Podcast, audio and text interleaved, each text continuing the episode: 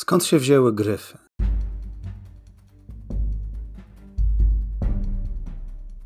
Ryszard Kapuściński powiedział: Wszak istnieje coś takiego jak zarażenie podróżą i jest to rodzaj choroby w gruncie rzeczy nieuleczalnej.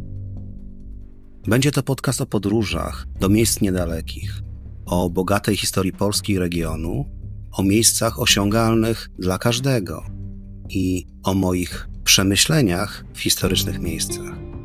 Zapraszam, Marcin.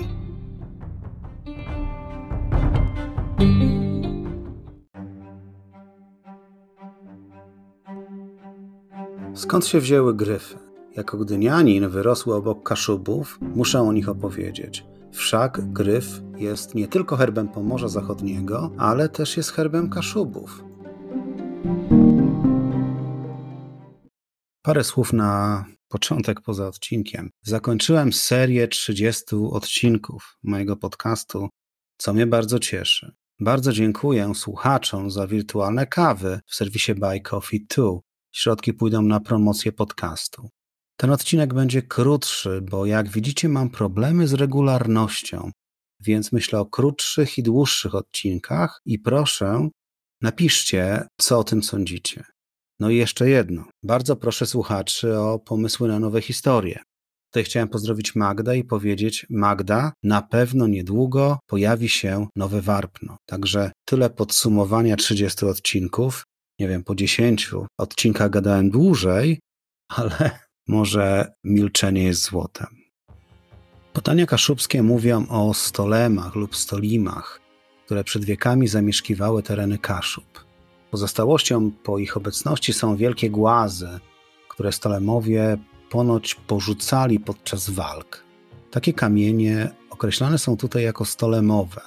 Według legendy Bóg stwarzał świat, zanim ludzie się między sobą ułożą i zasiedzą. Trzeba było więc wyznaczyć opiekuna dla każdej z okolic, aby trzymał nad nią pieczę. Więc tu na Kaszubach, na kaszubskich wzgórzach, takimi opiekunami były właśnie stolemy. Jednym ze stolemów był gryf.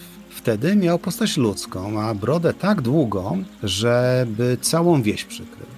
Ryby łapał całymi garściami, jak widły siano. Chmury zwijał w kulkę, gdy zasłaniały słońce, a gdy kichał, wywracał drzewa. Mam nadzieję, że nie po tabace, bo nie wiem, gdzie by tyle tabaki uprawiał. Jak to zwykli kichać kaszubi.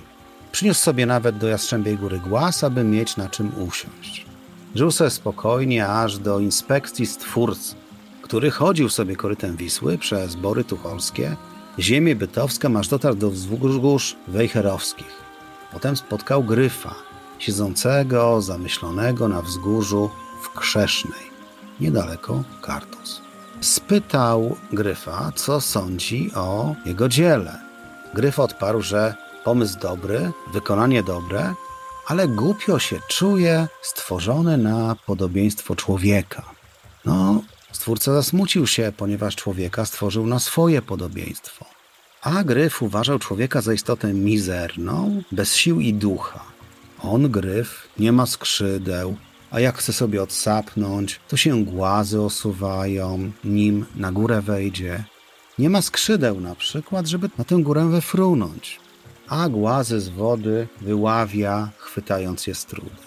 Obraziło to stwórcę, który powiedział: Będziesz odtąd latał i staniesz się podobny do ptaka i lwa.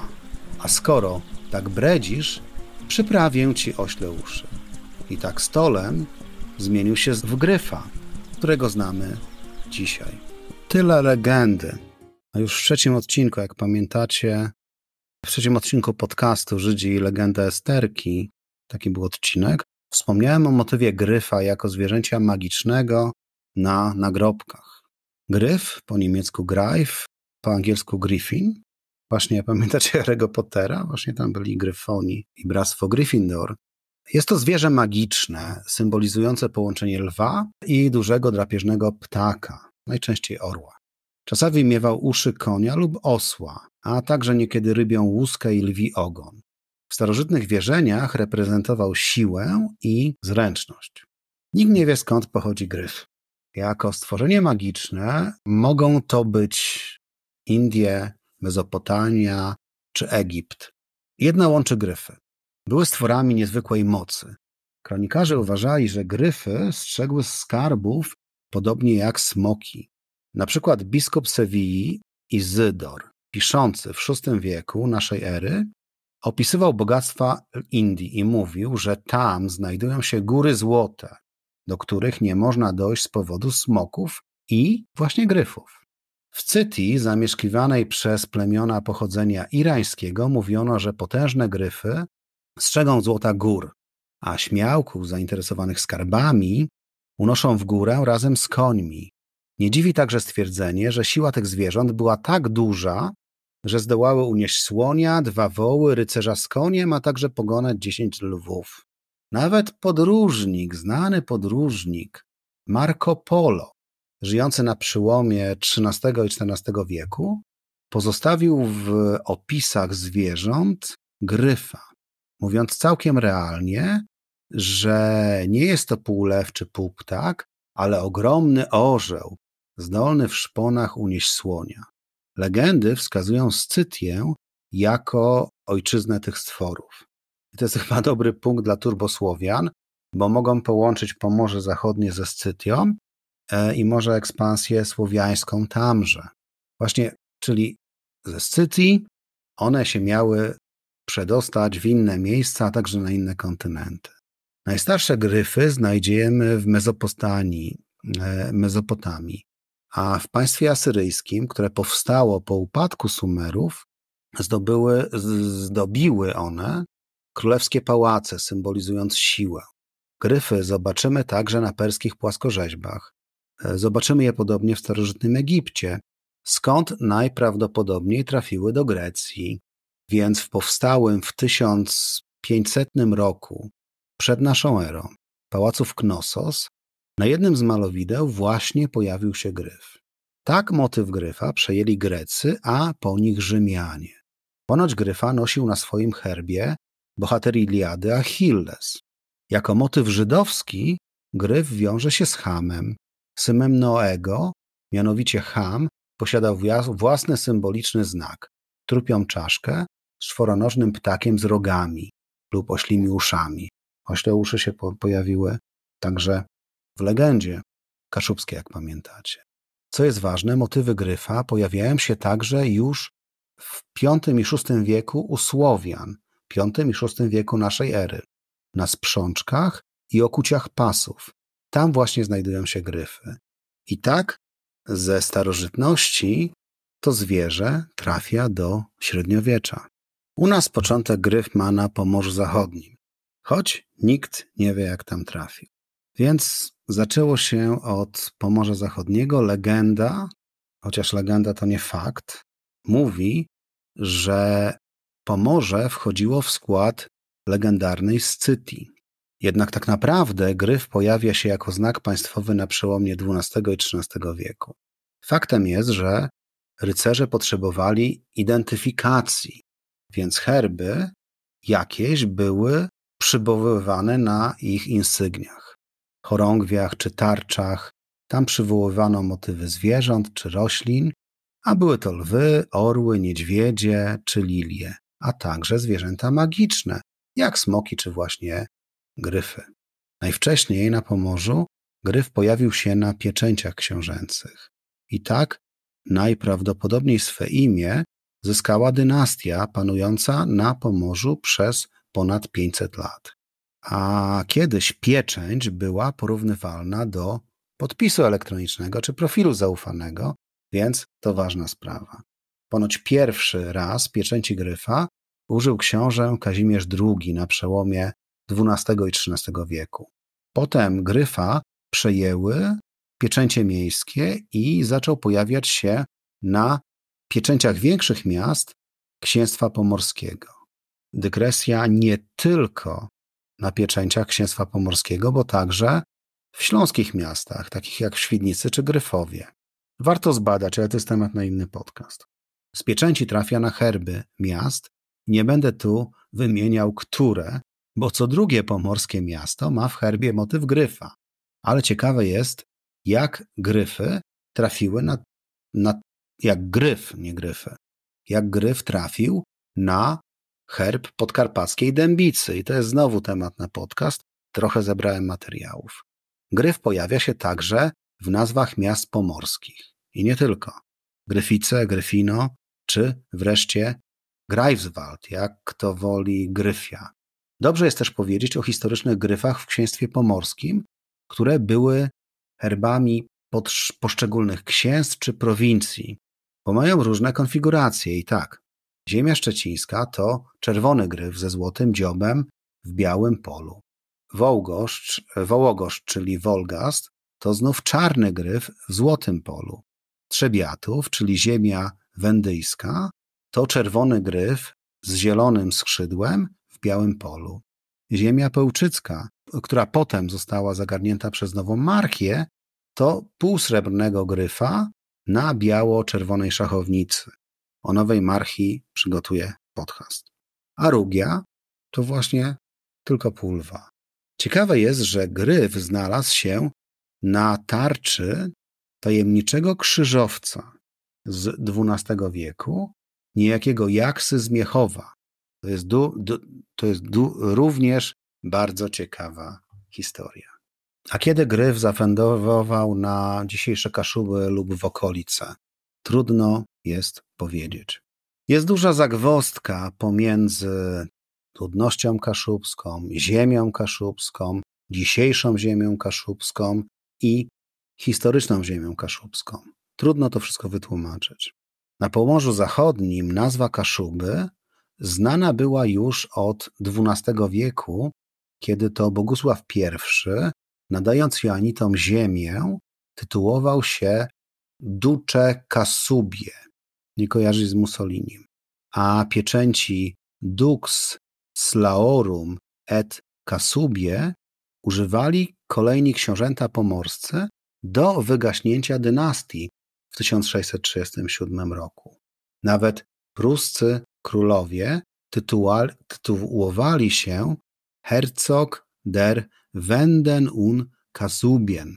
Duk Slaorum et Kasubie znaczy książę Słowian i Kaszubów, a Herzog der Wenden un Kasuben znaczy, pewnie kolega Arek powiedział und Kazuben, e, znaczy książę Wędów i Kaszubów i zapewne Wędów w znaczeniu Słowian. Jednak w czasach księstwa pomorskiego na Morzu Gdańskim nie nazywa się ludności Kaszubami. Samborydzi, czyli książęta Pomorza Gdańskiego, tytułowali się zwykle Dux Pomeranie, a gdzie leżały Kaszuby, wiedzieli tylko historycy, tacy jak Mikroelius, lokując te historyczne Kaszuby w okolicach Bytowa czy Lęborka. I tu dygresja. Kiedyś poznałem kilku fajnych panów, byłem wtedy na darze młodzieży w Bremerhaven. Poznaliśmy kilku fajnych Kaszubów i oni właśnie byli z Bytowa.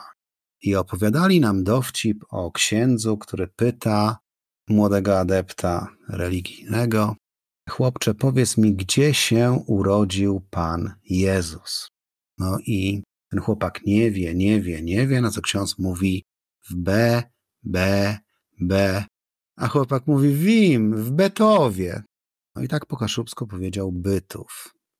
Czyli etniczni Kaszubi nie pojawiali się w żadnej z kronik Pomorza Zachodniego, a jedynym księciem z pieczęcią gryfa był Sambor II. Więc gryf pojawia się tutaj dopiero pod koniec XVI wieku, po wojnie trzynastoletniej, kiedy to utworzono województwo pomorskie z herbem gryfa, białego gryfa w czerwonym polu. Żaden historyk nie odpowie, skąd wziął się tam gryf. Są pewne teorie, że Jagiellonowie chcieli inkorporować księstwo pomorskie w przyszłości do państwa pomorskiego. Ale to tylko teorie, bo nigdy tego nie zrobili niestety. Ale skąd jest czarny gryf na żółtym tle jako herb dzisiejszych Kaszubów? Myślę, że musimy przyjąć korzenie lęborsko-bytowskie i herb tego regionu. A Aleksander Majkowski, przywódca Towarzystwa Mikrokaszubów, prezes Zrzeszenia Regionalnego Kaszubów, legendarny działacz społeczny, właśnie przyjął gryfa jako symbol jednoczący Kaszubów. I słusznie, bo język słowiański, kaszubski, oparł się germanizacji w XVII wieku dzięki zaledwie kilkudziesięciu latom reformacji, kiedy to regionalny język zaistniał na ambonach. Po powrocie do religii katolickiej kaszubski był już powszechny. Więc ten sam język i naród mamy w Bytowie i Kartuzach. I mamy ten sam język. Ja myślę, że o Kaszubach mogę opowiedzieć innym razem. Ta nacja świadomie stała się potem Polakami, podobnie jak Ślązacy. Więc mają wszelkie prawo do gryfa, bo stamtąd się wywodzą. A, nie, podsumuję. Gryf im się historycznie należał. Kończąc ostatni podcast o Pomorzu Szwedzkim, wspomniany przeze mnie szczeciński przewodnik Tomek wysłał mi, mi informację o śladach szwedzkich w Szczecinie. Podcast był już nagrany, więc opowiem o tym teraz. Na placu Stefano Batorego numer 4 w Szczecinie, na głównej klatce schodowej nowego ratusza, zwanego Czerwonym, obecnie SUM, czyli Szczeciński Urząd Morski, jest wyeksponowany wspaniały akcent szwedzkich czasów w Szczecinie. To wykonana z piaskowca barokowa płaskorzeźba, pokryta polichromią ze złocieniami. Pochodzi ona z 1660 lub 1661 roku, a była początkowo umieszczona jako ozdoba szczecińskiej bramy nowej, wzniesionej właśnie przez Szwedów po 1660 roku. Zastąpiła ona średniowieczną bramę pasawską, zburzoną podczas brandenburskiego oblężenia w 1659 roku. Tablica przedstawia herb Szczecina, czyli gryfa, w formie nadanej miastu przez króla szwedzkiego Karola XI w podzięce za dzielną obronę podczas tego oblężenia. Jest to herb Szczecina z akcentami szczeckimi. Ten herb został zdemontowany prawdopodobnie podczas rozbiórki przez Prusaków w latach dwudziestych XVIII wieku. Dalsze dzieje tablicy nie były znane aż do czasu, gdy znalazła się w piwnicy Czerwonego Ratusza, ukończonego w 1878 roku. Została odnaleziona niedawno, w 2004 roku, zdemontowana, poddana konserwacji, a następnie umiejscowiona na obecnym miejscu, dość eksponowanym. Więc wchodząc do ratusza czerwonego, czyli do Urzędu Morskiego, możemy to cudo zobaczyć. Tyle na dzisiaj. Do usłyszenia. Dziękuję za wysłuchanie dzisiejszego podcastu. Czekam na uwagi o tym odcinku na Facebooku i Instagramie. Możecie także ocenić ten podcast w serwisach Spotify, Apple czy Player FM. Wasze pozytywne oceny ułatwią dotarcie do kolejnych słuchaczy. Możecie także postawić mi wirtualną kawę w serwisie Buy Coffee pod adresem podcast Miejsca Nieoczywiste. Środki przeznaczam na pod promocję podcastu w mediach społecznościowych. Jeżeli macie pomysł na odcinek, poproszę o mail na adres domwdawidach.gmail.com.